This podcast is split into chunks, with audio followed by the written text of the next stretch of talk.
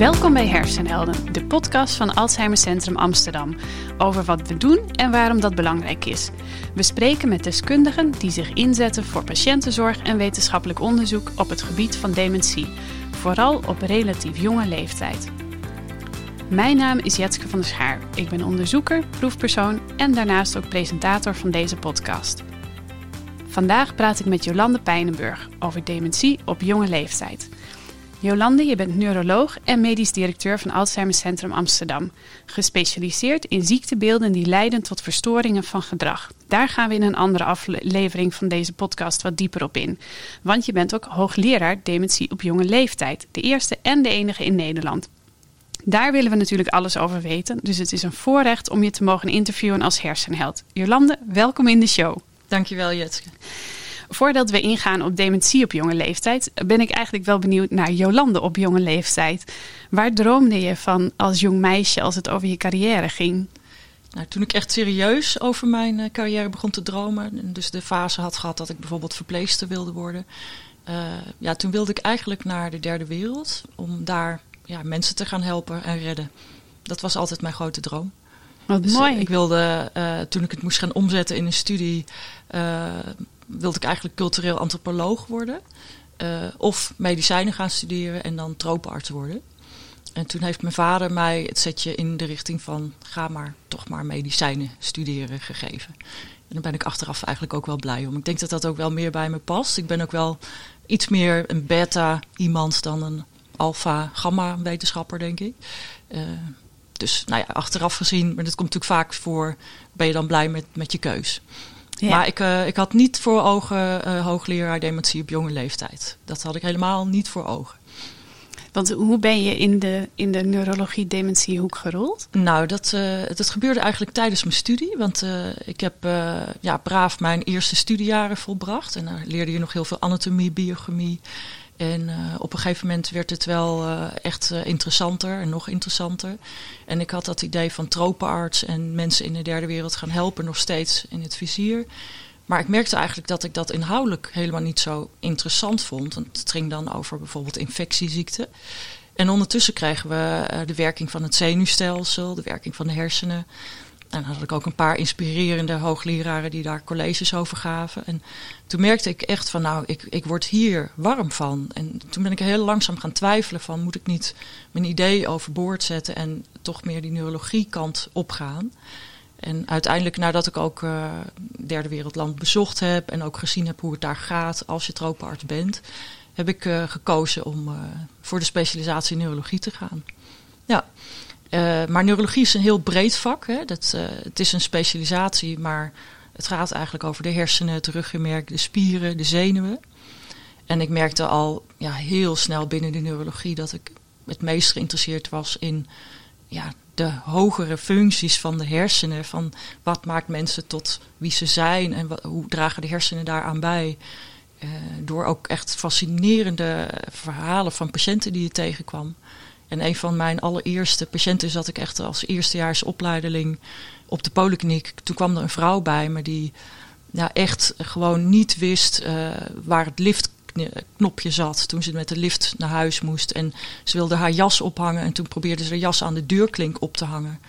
En uh, ja, dat deed mij heel erg denken aan de man die zijn vrouw voor een hoed hield. Het bekende boek van Oliver Sacks.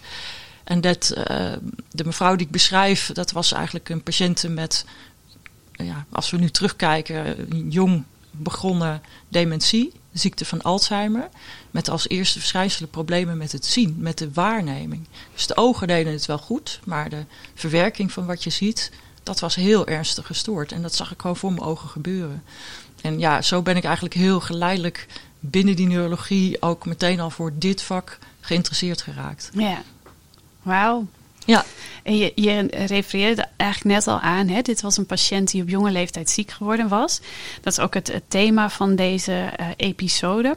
Dementie op jonge leeftijd, dat klinkt heel tegenstrijdig. Want dementie is een, een uh, aandoening die we toch vooral associëren met ouderdom. wij hebben het hier over dementie op jonge leeftijd. Hoe zit dat? Ja, dus dat, dat is ook als je bijvoorbeeld aan leken vertelt dat je werkt met het thema dementie op jonge leeftijd, dan denk ik, kan dat dan ook bij kinderen voorkomen? Ja, dus dat, Dan zeg je, nou nee, ik bedoel eigenlijk ook niet kinderen.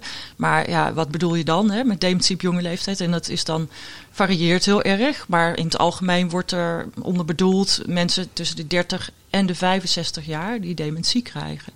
En dan is 64 is dus ook jonge leeftijd. En ik denk dat een heleboel mensen zullen denken, nou dat is eigenlijk helemaal niet jong. Het ligt natuurlijk aan hoe oud je zelf bent, denk ik, hoe je daar tegenaan kijkt.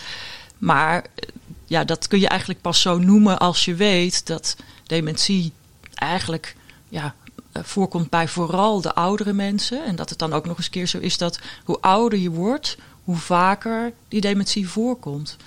Dus bijvoorbeeld bij mensen van 90 jaar, daar is misschien wel 40 tot 50 procent van getroffen door een dementie.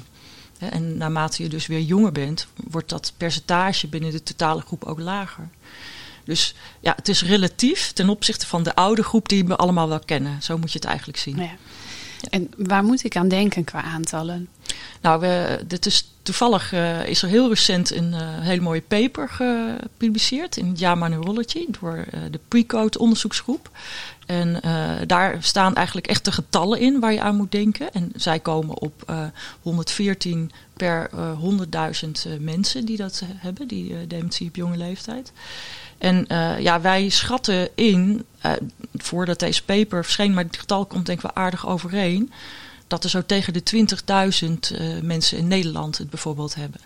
En ik moet wel meteen zeggen dat het waarschijnlijk, hoe mooi de getallen dan ook zijn dat we die hebben, is het een onderschatting. Want ik denk dat er ook mensen met dementie op jonge leeftijd bijvoorbeeld zich bevinden onder de daklozen.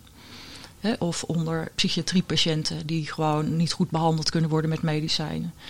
Of mensen die uh, op een andere manier uh, niet aan de diagnostiek zijn toegekomen, omdat niemand aan die dementie denkt. Maar ja. ze hebben het wel. Dus ik denk dat het er meer moeten zijn, maar we weten dat nog niet. Ja. Je zei, en mensen denken er niet aan dat het ja. dementie is. Hoe, ja. hoe uit de dementie zich op zo'n jonge leeftijd? Ja.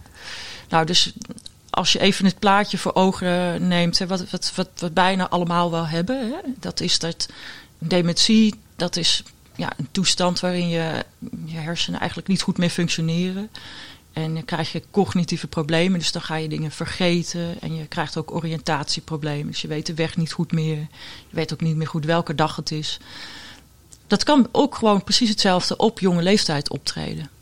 Maar wat ook kan, en wat we relatief ook vaak zien, en dat maakt dementie op jonge leeftijd ook anders, is dat we andere klachten vinden waarmee het begint. En het is heel divers. Het ligt er ook maar aan welke ziekte je hebt en waar die ziekte in je hersenen begint. Dus het laat meteen ook zien dat het eigenlijk ook een heel complex uh, gebied is. Maar wij uh, zien dus mensen met dementie op jonge leeftijd, bij wie het begint met een hele sluipende gedragsverandering, persoonlijkheidsverandering. Uh, we zien mensen bij wie het begint met moeite met praten, dan komen ze steeds moeilijker uit hun woorden. We zien mensen bij wie het begint met, wat ik eigenlijk net vertelde van die mevrouw, hè, dus problemen met het zien. En ja, dat leidt er dus ook toe dat mensen die problemen met het zien ervaren, ja, waar ga je dan naartoe? Natuurlijk naar een opticien of natuurlijk naar een oogarts. Je gaat niet natuurlijk meteen naar een neuroloog. Dat, is, uh, dat is eigenlijk niet, dat zit natuurlijk niet in ons systeem om daar aan te denken dat het zoiets zou kunnen zijn.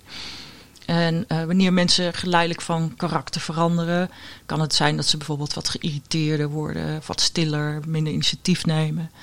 Nou, dan zien we echt ontzettend vaak dat de huisarts dan zegt, als je naar de huisarts gaat, nou, het zal wel een burn-out zijn. En dat komt natuurlijk ook ontzettend vaak voor op die leeftijd hè, in onze drukke maatschappij.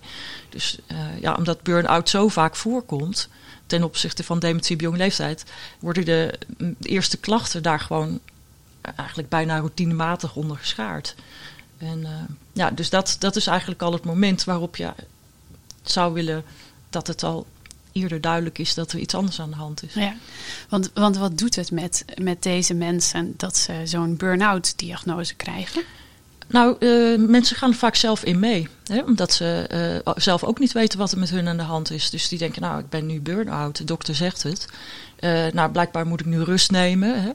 Het kan zijn dat partners soms denken van, nou, dit klopt niet. Hè? We hebben nu vijf maanden rust gehouden. En ook tijdens de vakantie zien we dezelfde problemen optreden. Dus uh, er zijn vaak ook de partners die dan het niet pluisgevoel hebben. Er is toch wat anders aan de hand. dus dus het, is, het is vaak gaandeweg het proces. Want uiteindelijk krijgen die mensen dan de diagnose dementie. Dat ze achteraf terugkijken en denken: ja, dan ben ik toch eigenlijk een beetje in het verkeerde circuit terechtgekomen. En dan vinden ze natuurlijk terugkijkend wel heel vervelend. Ja. Uh, en wat je eigenlijk ook heel vaak ziet, waar we vaak mee te maken hebben, is dat mensen met dementie op jonge leeftijd, um, ja, doordat ze in een speciale levensfase zitten, ook heel veel verliezen als ze die diagnose heel laat krijgen. Ja, en, dus, en wat, is, wat is laat? Hoe lang duurt het gemiddeld voor iemand nou, een diagnose krijgt? Het hangt ook weer een beetje van de diagnose af, van welke ziekte er aan de grondslag ligt, maar dus vier tot zes jaar gemiddeld vanaf de eerste klachten. En uh, dan kan er dus al een heleboel gebeurd zijn. En wat we dus echt meemaken is dat mensen zijn ontslagen. Uh, we maken mee dat mensen zijn gescheiden. We maken mee dat uh, kinderen van de betreffende persoon hebben gezegd... nou, met jou wil ik gewoon geen contact meer. Je hebt gewoon mijn leven verwoest door jouw vervelende gedrag. we hebben meegemaakt dat partners, doordat de patiënt ontslagen is er een tweede baan bij moesten nemen. Ja, waardoor het ondertussen met de dementie in de thuissituatie nog veel meer in de soep liep. En uh, ja, dus je ziet echt schrijnende, schrijnende voorbeelden. En soms heb je ook nog dat mensen in hun ziekte uh, zeggen: Nou, ik uh, neem zelf ontslag. Ik ga voor mezelf beginnen. Ik ga een nieuwe baan zoeken. en dat niet met hun partner overleggen. En dan hebben ze dus ook geen enkel recht, hè, want ze hebben zelf ontslag genomen. Zitten ze dus ook niet met een uitkering. Dus ja, het is, het is echt ja, heel erg eigenlijk wat er allemaal gebeurt in de tijd dat er geen diagnose is. En het komt ook nog wel eens voor regelmatig dat mensen dus denken: we hebben een relatieprobleem. Want het gaat niet goed meer tussen ons. Hij of zij begrijpt mij niet meer. We kunnen niet meer met elkaar praten over de dingen waar we vroeger wel konden praten. Of ja, de persoon is veranderd. En uh, nou, misschien komt het wel doordat ik ook uh, dan dingen in die relatie doe. Laat ik dan ook eens naar mezelf kijken. Uh, dus ook bij de mensen zelf is er in die beginfase lang niet altijd het idee van, oh, dit moet een dementie zijn. Maar ze hebben wel in de gaten, er is iets aan de hand. Er is iets raars aan de hand. Ja. En dan gebeurt er van alles. Dus tegen de tijd dat patiënten hier komen, hebben ze eigenlijk al een heel traject ja. uh, van verlies ja. en verkeerde diagnoses achter de rug. Ja, dat, ik denk dat je het niet echt kan veralgemeniseren. Want gelukkig zijn er ook echt wel mensen die meteen naar het goede loket zijn verwezen. Of die meteen zelf hebben gezegd: wij denken aan een dementie. En die diagnose snel gesteld. Maar er is een grote groep bij wie echt dit verhaal geldt. Ja. ja. En dan komen ze bij jou of bij een collega van jou. Ja. En dan? Nou, dus uh, als wij hè, naar ik ga even het stapje voorbij van dat wij dus natuurlijk manieren hebben om de diagnose te stellen. Maar als die diagnose dan valt, nou, dan heb je uh, soms natuurlijk heel veel verdriet, maar regelmatig ook echt, ondanks het verdriet, opluchting. Want dan valt het kwartje. Dan kan je alles ineens begrijpen wat er de afgelopen vijf jaar is gebeurd. En dan denkt je partner, nou, hè, hè, ik ben niet gek. En die patiënt die snapt ook waarom die niet alles hè, aan alle eisen kan voldoen die er door gezin en maatschappij aan worden gesteld. Ja, ja. ja. En uh, je zei het net al, hè, sla even een stapje over. Ik wil ja. dat stapje toch graag terug. Ja. Want, want jij krijgt die mensen in je spreekkamer. Hoe, hoe bepaal jij nu of die mensen een burn-out hebben of dat er meer aan de hand is? Ja, nou, er zijn uh, wel een aantal uh, vuistregels. er komen natuurlijk ook mensen hier die gelukkig helemaal geen dementie hebben. En, uh, maar zich wel zorgen daarom maken. En uh, ja, in het verhaal van de patiënt probeer ik altijd een beetje te kijken naar uh, ik vind het heel belangrijk om te kijken naar wat is de achtergrond van iemand. Hè? Waar komen we vandaan? Uh, want als je bijvoorbeeld te maken hebt met iemand die altijd al op zijn tenen heeft moeten lopen, een opleiding vaak niet heeft gehaald en uiteindelijk toch een diploma, dan heb je veel meer kans dat, het, dat de klachten bijvoorbeeld uit overbelasting voorkomen. Maar je kijkt echt waar komen we vandaan? Hè? Wat, is, wat is dit voor een persoonlijkheid? Wat heeft deze persoon voor intelligentie? En hoe functioneert die persoon nu? Uh, en dan, kijk ik vervolgens ook van, nou, geeft die patiënt en zijn familie, geeft hij nou het foute voorbeeld of het goede voorbeeld? Een van de dingen wat, wat ik bereken tot het foute voorbeeld is dat de patiënt klaagt over, nou, uh, dan loop ik dus naar de zolder dan wil ik daar iets gaan pakken. En heb twee trappen opgerend en dan weet ik niet meer wat ik daar kwam pakken. En dat is echt gewoon, ik zie jou ook al aan je ogen dat jij denkt, oeh, dat heb ik ook. Hè? Maar daarom is het gelukkig ook het foute voorbeeld, want dat is het het voorbeeld van concentratieproblemen. Hè? Dus dat heeft iedereen. Je, je, hebt, je, gaat iets doen en ondertussen ben je toch een beetje afgeleid en dan weet je het niet meer. Nou, dat is eigenlijk niet een goed voorbeeld van mijn geheugen doet het niet meer. En wat een goed voorbeeld is, hè, dat is bijvoorbeeld iemand die uh, altijd heel erg, uh, nou laten we zeggen, voor de klas heeft gestaan. En gewoon getraind is van, nou, mijn leerlingen zitten zo uh, in die ruimte verdeeld over de klas. Binnen een week ken ik alle namen. Hè, en dat je dan na twee maanden of na drie maanden als leraar nog steeds de namen niet weet.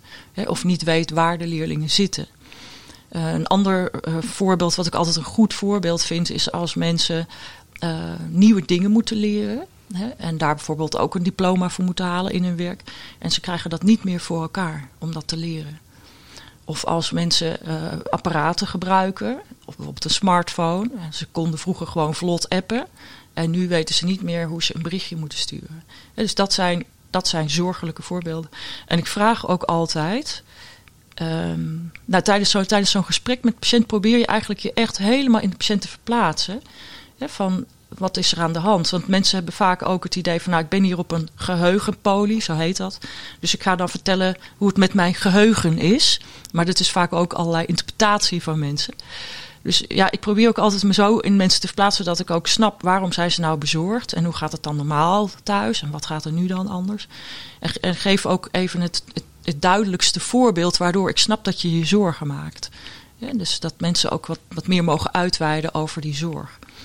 Ja, dat is denk ik een beetje de werkwijze in het gesprek. En verder kijk je ook heel erg naar hoe, hoe de personen die tegenover je zitten contact met je maken. Ja, of ze uit hun verhaal komen. Uh, en als het bijvoorbeeld zo is dat mensen super gedetailleerd kunnen vertellen over wat ze allemaal precies zijn vergeten. Ja, dan heb je eigenlijk ook al te maken met een discrepantie. Dus dat is natuurlijk ook heel geruststellend. um, ja, en dan daarnaast hebben we allerlei onderzoeken die we hier kunnen doen, die uh, ja, samen bij elkaar allemaal puzzelstukjes uh, vormen die tot één geheel de diagnose leiden.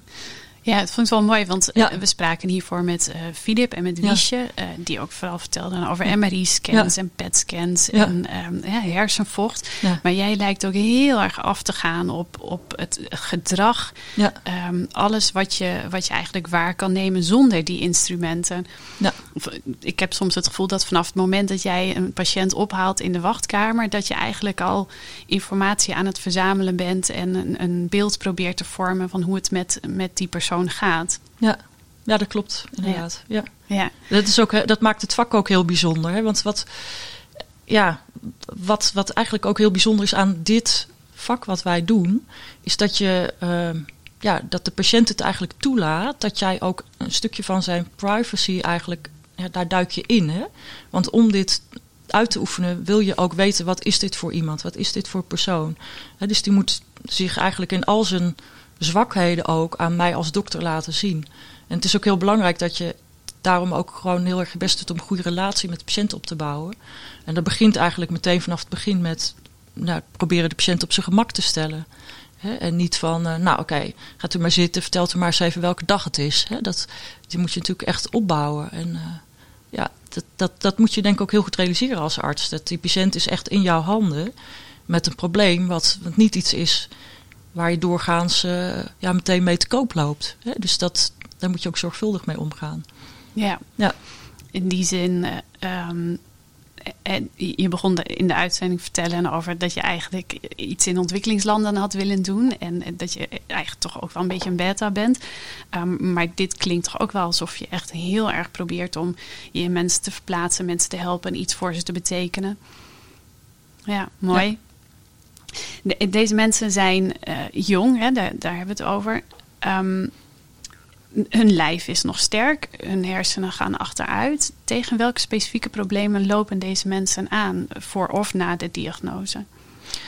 Nou, bijvoorbeeld dat, uh, ja, als je dan zo'n diagnose hebt gehad en ze zien er inderdaad zo fysiek sterk uit, dat, uh, nou, zijn ze op een familiefeestje. Dan hebben ze net verteld aan de familie dat ze deze diagnose hebben. En dan zeggen die familieleden, nou, het valt toch allemaal best wel mee. Ja, je kan het eigenlijk helemaal niet zien hoor. Ik merk er helemaal niks van. dus erkenning missen ze vaak. Uh, Is, is dat ook een reden dat je net aan het begin zei dat je vermoedt dat er veel meer mensen zijn die op jonge leeftijd dementie hebben? Ja, dat, het, dat ook denk ik, ja. Omdat het in de maatschappij het beeld niet heerst van dementie kan op jonge leeftijd voorkomen. Dus als jij niet ja, zo'n typisch verward persoon bent, wat, wat inmiddels bijna is opgenomen in een verpleeghuis, dan, uh, ja, dan, dan wordt het ook een beetje weggewuifd, ook door de mensen om je heen, denk ik. Als je er zelf niet mee komt. Um, Nee, dus, dus waar mensen tegenaan lopen is denk ik problemen met erkenning.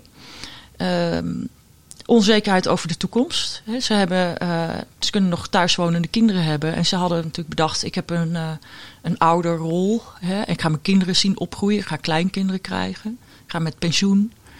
Als ik heb, met pensioen ben, ga ik reizen.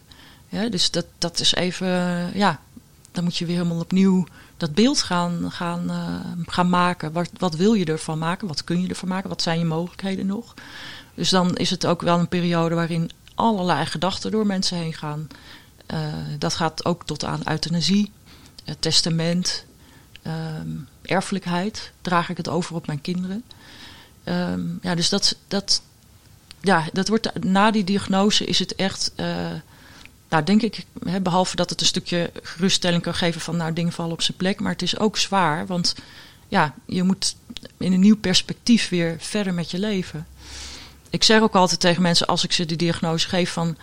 Uh, nu is het niet zo dat van vandaag op morgen ineens alles veranderd is in uw leven. Want u was, het was de hele tijd al bezig. Alleen dit is wel de dag waarop je het ineens gaat zien. Hè? En, dat, en dat maakt het op dat moment wel zwaar. Ja. ja. Want is, is het ook zo dat het ziekteproces anders verloopt? Sneller of juist langzamer? Als we de hele grote groep vergelijken met de hele grote groep oudere mensen, dan verloopt het sneller. Sneller, ja? Ja, maar er is, er is ook veel meer variatie. Dus uh, er zitten ook weer uitzonderingen tussen van mensen die 20 jaar, misschien wel 30 jaar met hun dementie op jonge leeftijd leven. Dus dan zijn ze op een gegeven moment ook helemaal niet jong meer.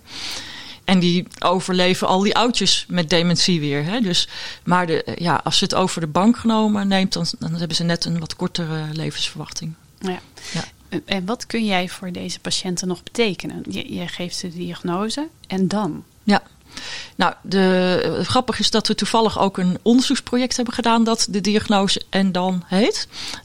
voor speciale groepen patiënten die een ziekte hebben die niet zo vaak voorkomt. En vaak op jonge leeftijd dus ook voorkomt. En uh, nou, wat in ieder geval de behoefte van die mensen is, dat is in de beginfase juist informatie. En in de verdere fase juist ondersteuning. Uh, nou, dat is, dat is wat we allebei zoveel mogelijk proberen te geven. Uh, nou, wat, wat ik zelf heel belangrijk vind, is dat je. Uh, ja, het is ook een beetje hoe zie je je rol als arts. Hè? Uh, co-assistenten zeggen vaak als ze hier het kooschap neurologie lopen. Nou, ik vind het allemaal heel interessant. Maar ik vind het toch, uh, ja, je hebt helemaal geen behandeling voor patiënten als je neuroloog bent. En, en dan zeg ik, ja, wat, wat is eigenlijk je doel van arts zijn? Hè? Je kan ook voor een patiënt zijn om er er gewoon alleen voor die patiënt te zijn en uh, met hem mee te gaan in het hele traject. Dat is eigenlijk een beetje anders dan dat je zegt, nou ik ga nu even uw galblaas eruit halen.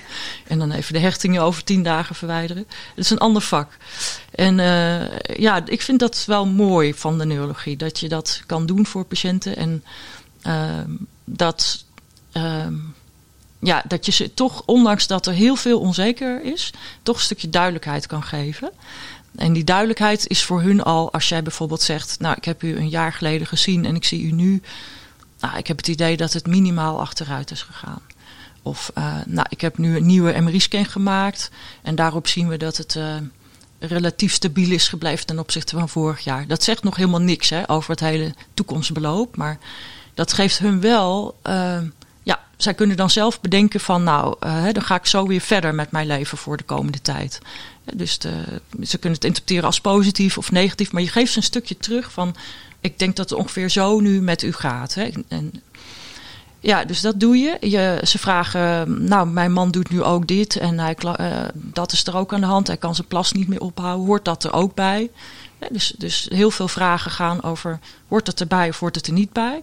En als het er niet bij is, ja, wat moet ik er dan mee doen?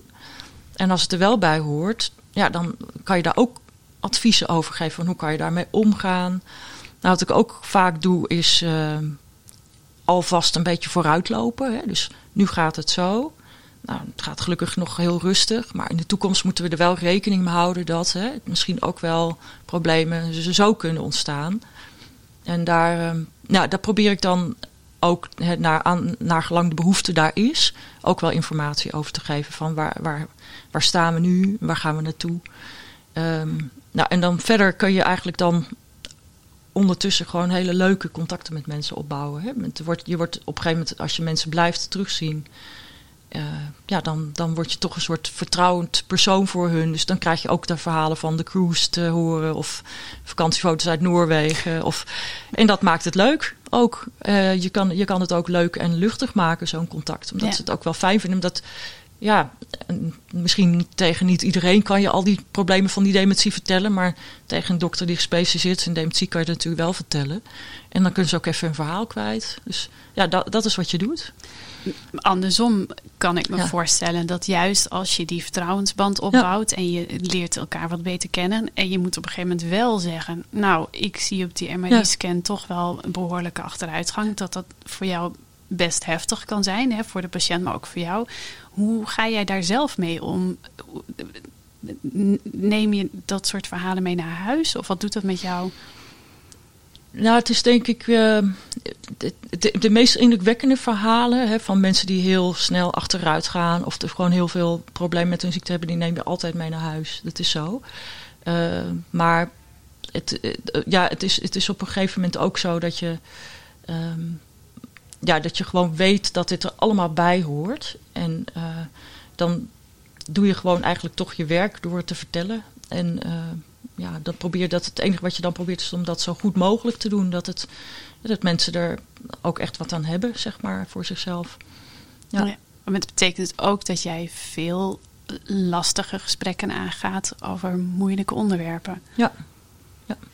maar dat vind ik dan ook wel weer relatief, want um, dat is ook een kwestie van smaak hoor. Maar ik, ik heb toch te, te maken met mensen met wie je uh, ja, in ieder geval kan praten hè, en, en, en je meningen en bevindingen kan delen.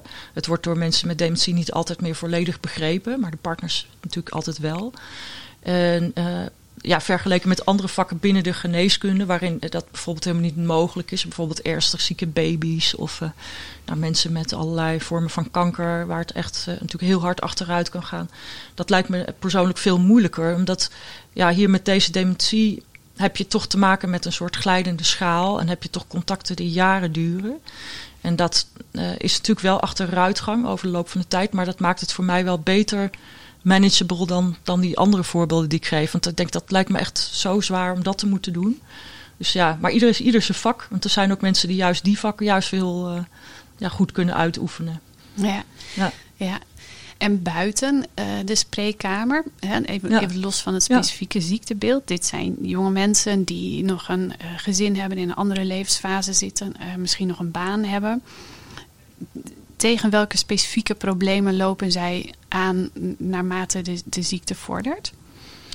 Uh, ja, dus je bedoelt dus eigenlijk buiten het ziekenhuis, hè? Wat ja. zijn de psychosociale ja. problemen? Ja.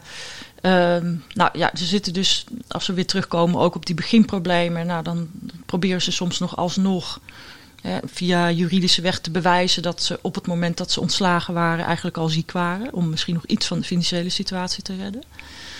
Uh, nou, ze hebben uh, dan recht op allerlei, bijvoorbeeld ja, hulp, case managers. Die kunnen helpen om hun uh, weg te wijzen in uh, verschillende zorgmogelijkheden die er zijn. Als de ziekte wat verder gaat, heb je bijvoorbeeld wel vaak dat mensen behoefte hebben aan dagbesteding, dagbehandeling. Nou, de specifieke problemen die daarbij optreden, is dat er niet overal voorzieningen zijn voor jonge mensen. Dus dan uh, ja, moet je je voorstellen dat je als 50, 55-jarige echt in een club mensen komt van 80 of 80 plus op een dagbehandeling. Dat is natuurlijk een schrikbeeld. Dus, dus, dus er is wat dat betreft een uitdaging om iets te vinden wat echt geschikt is voor jonge mensen. Dan moet ik wel zeggen dat het eigenlijk steeds beter in Nederland al uh, op gang komt hoor. Dus dat in de meeste regio er wel echt al iets is. Door mensen ook hun, uh, ja, met hun sterke lijven iets aan fysieke behoeften kunnen gaan doen. Um, en uh, ja, wat meer individueel op maat ook gekeken wordt. Hè. Is dit juist meer een denker of meer een doener? Een doener die moet je niet uh, laten filosoferen over krantenartikelen en andersom. Nou, het, gaat eigenlijk wel uh, de goede kant op. Dus financiële problemen, nou, problemen met de, hoe, hoe je de juiste zorg krijgt. Erkenning heb ik ook al genoemd.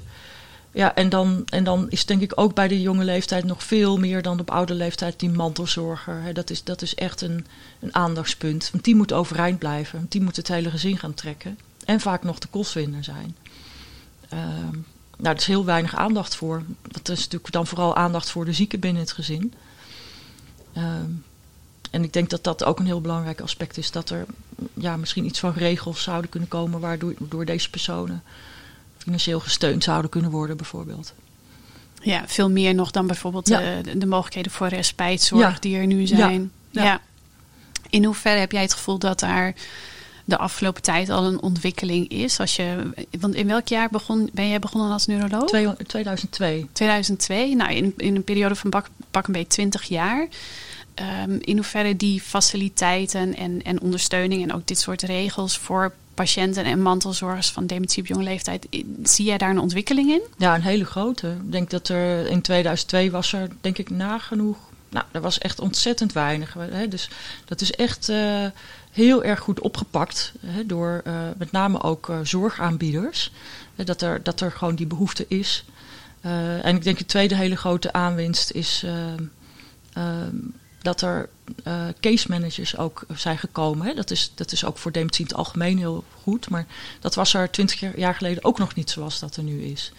Um, nou, en verder hebben de, uh, de verschillende zorgverleners zich ook verenigd. Je hebt bijvoorbeeld het kenniscentrum dementie op jonge leeftijd. Ja, dus dat, ze praten ook met elkaar en er wordt ook met elkaar gekeken op landelijk en op regionaal niveau. Wat is er nodig? Uh, dus ik, ik wil nog niet zeggen dat we er zijn. Ik denk dat er met name nog, uh, ja, wat er eigenlijk nog meer zou moeten gebeuren, is toch uh, informatievoorziening en kennisverspreiding. Ik denk dat zorg op zich al nou, best wel heel eindje op poten aan het raken is, maar met name die vroege fase waarin het begint. Hè, dus de huisartsen moeten het eigenlijk weten. Hè, van tussen zo zien die beelden eruit, moeten doorverwijzen. Maar ook uh, ja, als je dan iemand hebt met zo'n dementie op jonge leeftijd, hoe kan ik die dan het beste benaderen als het niet de klassieke Alzheimer-verschijnselen zijn? Ja. Nou, daar worden nu ook hele goede, goede initiatieven voor genomen om uh, case managers ook op die manier op te leiden. Dus ja, dat is, uh, nou, ik ben daar niet heel ontevreden over. We zijn er nog niet, maar er gaat wel de goede kant op. Als je, het, als je wil vragen hoe gaat het met de richting, denk je, ja, gaat wel de goede kant op. Ja, het, ja. het lijkt echt een, een, specialisme bijna te worden, ja. de, de dementie op, ja. op jonge leeftijd. Ja, en nee, waar jij dan straks natuurlijk ook uh, hoogleraar in bent. Ja. ja. Uh, een, een, een, rare vraag die, uh, die hier naar boven komt is: mensen zijn jong, een sterk lijf. waaraan overlijden ze op een gegeven moment? Gaan, overlijden ze echt aan de dementie of aan een gevolg daarvan? Ehm, nou, je gaat dus eigenlijk niet dood aan dat je niet goed kan onthouden. Uh, en je gaat ook niet dood en dat je niet goed kan plannen. Dus je gaat aan de gevolgen van de hersenziekte dood. En de hersenziekte spreidt zich uit over de hersenen. En die betreft uiteindelijk ook hersengebieden die uh, ja, wat meer elementaire functies uh, vertegenwoordigen. En dan gaat het bijvoorbeeld om de hersengebieden die doseren hoeveel slaap, hoeveel beweging, hoeveel eten je nodig hebt. Als dat ontregelt, dan ga je bijvoorbeeld uh, eh, 24 uur per dag lopen en 0 uur per dag slapen. Nou, dat heeft heel veel invloed op je immuunsysteem. Dus wat er uiteindelijk gebeurt, is het immuunsysteem verzwakt. En dan overlijd je aan een infectie. Dat is de meest voorkomende oorzaak. Uh, hoe krijgen mensen eigenlijk op zo'n jonge leeftijd uh, deze ziekte of een ziekte die kan leiden tot dementie? Is ja. hoe, hoe kan dat? Ja, nou, dat is natuurlijk uh, ook niet zomaar heel algemeen te zeggen over dementie op jonge leeftijd. Dan moet je echt op ziekteniveau gaan kijken. En ik wil wel een klein voorbeeldje eruit lichten, omdat het toch wel belangrijk is dat bij de ziekte frontotemporale dementie, FTD, hebben we al een spoor dat dat echt in bepaalde hersencellen begint. En dat zijn bepaalde hersencellen die te maken hebben met hoe je je ten opzichte van een ander gedraagt. Dus ook met sociale cognitie. Um, en er zijn nu ook al sporen, maar natuurlijk nog lang niet helemaal uitgezocht, van waarom die speciale cellen dan ook minder goed functioneren bij die ziekte. En dat is een beetje het idee wat ik heb bij dementie op jonge leeftijd, dat um, de bepaalde hersengebieden om een bepaalde reden kwetsbaar zijn. En dat daar, als die ziekte daar eenmaal in is, ja, dan gaat hij zich uitbreiden over de rest van de hersenen. Die kwetsbaarheid, nou, dat kan voor een deel ook echt aanleg zijn. Een ander voorbeeld is bijvoorbeeld dat mensen die de variant hebben waarbij je begint met taalproblemen, dat die relatief vaker dyslexie hebben. Nou zeg ik dus niet dat alle mensen met dyslexie deze vorm van dementie krijgen. Dat zeg ik helemaal niet. Maar ik zeg wel dat er mogelijk een verband is waardoor die hersenen blijkbaar in aanleg ook al wat kwetsbaarder zijn. En ik denk dat het vooral erfelijke kwetsbaarheid is. Die niet zomaar op één factor te gooien is, maar een heleboel kleine factoren bij elkaar. Ik denk dat het daar vooral in zit. Meer dan in leefstijl. Want mijn persoonlijke ervaring is dat ik bij de mensen met dementie op jonge leeftijd zie ik geen uh, mensen die veel te zwaar zijn, die hun hele leven lang veel te veel gerookt of gedronken hebben. He, alle risicofactoren in het leefstijl. Natuurlijk is dat af en toe wel het geval, maar bij de meerderheid zie ik dat eigenlijk niet. Dan zie ik echt de gezonde, sterke lichamen. Mensen zien er ook helemaal niet verouderd uit. Hè? Dus je zou nog kunnen denken, hè, zijn ze dan vervroegd aan het verouderen? Nee, ze zien er gewoon echt piepjong uit. Soms nog jonger dan hun kalenderleeftijd. Maar toch is er al iets in hun hersenen aan de hand. En daarom denk ik dat het het zwaartepunt bij genetische achtergrond ligt. Maar dat is alleen maar een vermoeden. Ja, ja. Er, wordt wel eens gezegd, eh, hoe jonger de ziekte begint, hoe groter de kans is dat er een erfelijke oorzaak is. Ja. Wat vind jij van zo'n uitspraak? Ja, ja, dat klopt, denk ik. Ja? Maar ik denk, ik denk dat je uh, daarbij even uit elkaar moet halen dat er bepaalde vormen zijn waar je gewoon één erfelijke oorzaak hebt. één uh, afstemming is verkeerd. En daarvan weet je zeker dat leidt tot een ziekte. Uh, maar ik denk dat als het gaat over erfelijkheid, dat je, dat, daar, dat je daar ook kan onder verstaan. Een heleboel factoren bij elkaar zijn allemaal een beetje verkeerd afgesteld. En dan is het misschien net hè, dat er in de omgeving dan ook nog iets gebeurt. Eh, of iets verkeerds gegeten en dan hupskei gebeurt het. Dan begint het ziekteproces. Maar daar kunnen we niet allemaal bij zijn op het moment dat dat begint. En we kunnen ook niet een bloedtest doen om die vorm van erfelijkheid te achterhalen. Want dat is te complex op ja. dit moment ja, ja kan ik me voorstellen. Um, toch is deze uh, groep patiënten ook heel interessant weer voor wetenschappelijk onderzoek. Ja. Hoe zit dat? Nou, een uh, aantal redenen. Kijk, uh, jong en vitaal, sterk lijf is natuurlijk altijd fijn. Want dat zijn mensen die hebben energie om met je mee te doen. He, dus die kunnen een, een test anderhalf uur lang volhouden. Dat is natuurlijk altijd heel fijn voor, voor wetenschappelijk onderzoek. Het tweede is, denk ik, ehm, bij deze mensen, in tegenstelling tot de oudere groep, ehm, hebben we eigenlijk maar één ziekte. En dat is die ziekte die tot die dementie leidt. Bij de oudere mensen hebben we vaak suikerziekte erbij, uh, doorbloedingsstoornissen van de hersenen. En dan moeten we in al die ruis nog gaan zoeken van wat is hier de Alzheimer. En misschien komt de Alzheimer ook wel weer deels doordat er suikerziekte en vasculaire factoren zijn. Dus hangt het allemaal met elkaar samen. En dan weet je eigenlijk bijna niet waar je moet beginnen om de oorzaak te gaan vinden. Maar bij jonge mensen geloof ik dat je veel ja, puurdere vormen van ziekte hebt. Waardoor je het eigenlijk het probleem is eigenlijk minder complex. En je kan beter zoeken naar wat is nou precies de oorzaak hier. Wat ik denk dat een uh, belangrijke factor is, is dat die mensen juist het op een andere manier krijgen. Dat het in andere hersengebieden gaat zitten. Bijvoorbeeld het gebied waarmee je dus spreekt. Nou, dat, kan, dat is denk ik een, een, een soort clue, hè? een begin van een puzzel. Hè? Dus het zit niet in de hele hersenen, het begint daar. Nou, waarom begint het nou daar? Dus zoals bij de frontotemporale dementie hebben we al een stukje gevonden. Dus ik denk dat we gewoon verder moeten kijken van niet alleen maar welke eiwitten spelen een rol of welke voedingsstoffen spelen een rol, maar ook waarom begint het nou daar? Wat is er dan daar met dat plekje aan de hand? Wat maakt dat plekje nou kwetsbaar? Dus ze geven eigenlijk al een stukje van het geheim of het begin van het geheim prijs, denk ik. Dat is mooi om er op die manier naar te kijken ook. Ja. ja. Je vertelde net iets over uh, erkenning. Hè? Dat, mhm. dat de ziekte vaak niet erkend wordt bij mensen op jonge leeftijd. Jij wordt nu hoogleraar dementie op jonge leeftijd. Hoe, wat betekent dat voor jou of voor het veld dat, er, dat jij daar nu hoogleraar van bent? Ja, nou ja, dat, dat is natuurlijk in één woord is dat ook erkenning, denk ik. Dat het belangrijk wordt gevonden.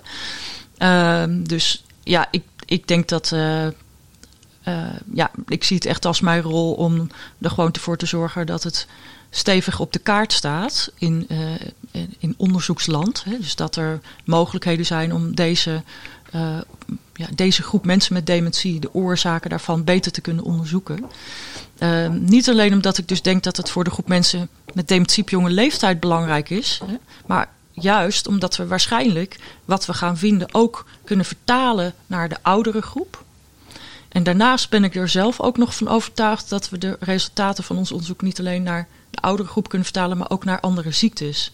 Bijvoorbeeld psychiatrische ziektes. En dat baseer ik weer op dat verhaaltje wat ik vertelde over frontotemporale dementie. Er zijn een aantal ziektes, waaronder autisme, schizofrenie, waarbij ook juist die cellen verminderd in de hersenen aanwezig zijn. En mensen die de ziekte hebben ook minder goed zijn in sociale cognitie. Dus als we de oplossing voor FTD vinden, dan kan het ook wel eens zijn dat je voor hele andere ziekten meteen die oplossing meeneemt. Dus het is, uh, we beginnen bij een relatief kleine groep, wel een hele belangrijke groep, die ons uh, de belangrijkste eerste openingetjes geeft voor wat er aan de hand zou kunnen zijn. En dat kunnen we, als we geluk hebben, later vertalen naar veel grotere groepen mensen. Ik denk dat dat uh, ja, wel hoop geeft. Ja, ja zeker. zeker. En uh, genoeg vragen oproept ja. om jou nog een keer een hele uitzending uit te horen. Maar dat bewaren we voor een volgende keer. Um, want ik wil jou natuurlijk ook nog de twee vaste vragen stellen. Namelijk, wat is de meest waardevolle les die jij in je werk hebt geleerd? Ja, wat, wat, wat ik denk ik een hele belangrijke les vind is... Um, dat je mensen niet te snel, of misschien wel niet, moet veroordelen om hun gedrag. Uh, dus wat je aan de buitenkant aan gedrag ziet, als je daar primair op reageert, hè, dan kan je een conflict krijgen. Of, terwijl dat kan voortkomen uit ziekte in de hersenen. En dan doe je eigenlijk iemand heel erg veel kwaad door alleen maar op zijn gedrag te reageren. Dus het is gewoon heel belangrijk om mensen probeert te begrijpen vanuit de achtergrond van zijn gedrag. En ik heb dat persoonlijk een keertje meegemaakt toen ik uh, met de metro onderweg was naar mijn werk. En uh, daar stond een uh, jonge man en die was echt ontzettend vervelend aan het doen. Die was aan het duwen en gedroeg zich echt gewoon een beetje asociaal in de metro. En ik had echt een neiging, nou ja, ik dacht, ik, normaal zou er iets van zeggen, maar durfde ik niet. Maar was gewoon een vervelend persoon in mijn belevenis. En uh, uur later zat hij dus in de wachtkamer bij de neurologie.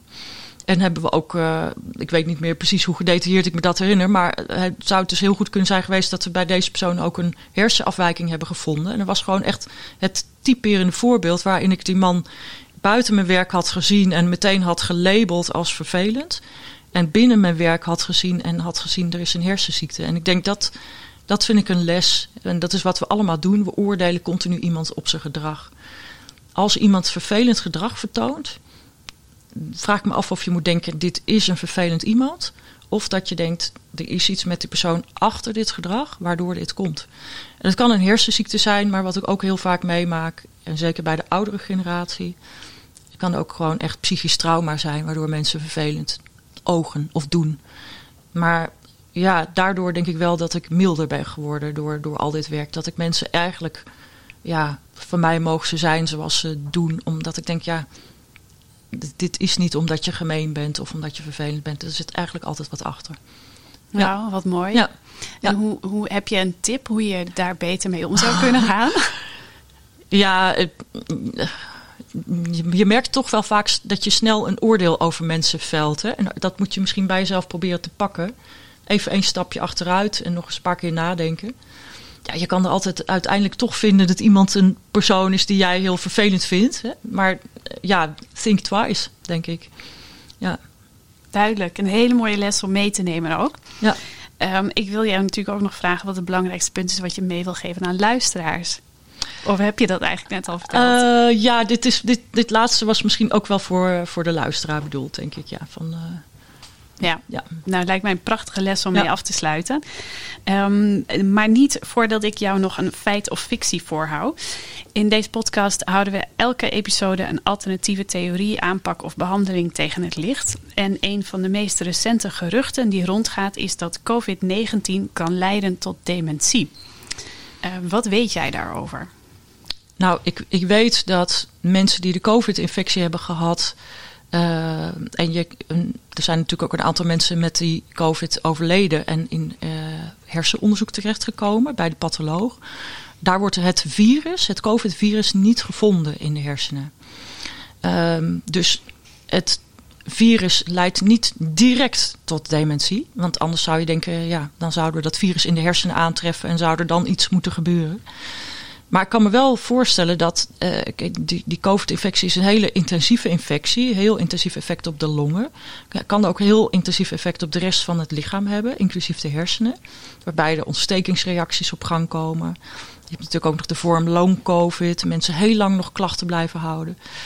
Um, en het, het, lijkt mij uh, voorstelbaar dat de lange termijn effecten, die de ontregeling die in de hersenen plaats kan vinden, dat die wel degelijk ook echt tot dementie kunnen leiden. Of, je kunt het eigenlijk alleen maar onderzoeken door, denk ik, door weer grote groepen mensen naast elkaar te gaan zetten. De een heeft wel COVID gehad, de ander niet. Hebben de mensen die COVID hebben gehad dan uiteindelijk vaker dementie of jonger dementie? En natuurlijk ook door hersenonderzoek, door in de hersenen te kijken. Maar als je me vraagt, feit of fictie, dan denk ik dat het eerder toch een feit is. Wat we misschien nog beter moeten onderzoeken. Ja. ja. Nou, reden te meer om mee te doen aan onderzoek. Ja. ja. Jurande, ontzettend bedankt voor uh, alles wat je hebt verteld en uitgelegd en ons hebt geleerd. En ook uh, vooral de prachtige wijze les aan het einde die je aan ons meegeeft. Uh, laten we ons best doen om dat met z'n allen te onthouden. Dankjewel. We hebben deze episode opgenomen op 22 juli 2021 in Alzheimer Centrum Amsterdam. Met dank aan Mark Brouwer die achter de knoppen zit en ons helpt met raad en daad. Wil je meer weten over Alzheimer Centrum Amsterdam? Dan vind je ons op Twitter, Facebook, Instagram en LinkedIn als je zoekt op Alzheimer Centrum Amsterdam. Heb je een vraag of opmerking over deze podcast? Stuur dan een mail naar hersenhelden.amsterdamumc.nl. Tot de volgende keer.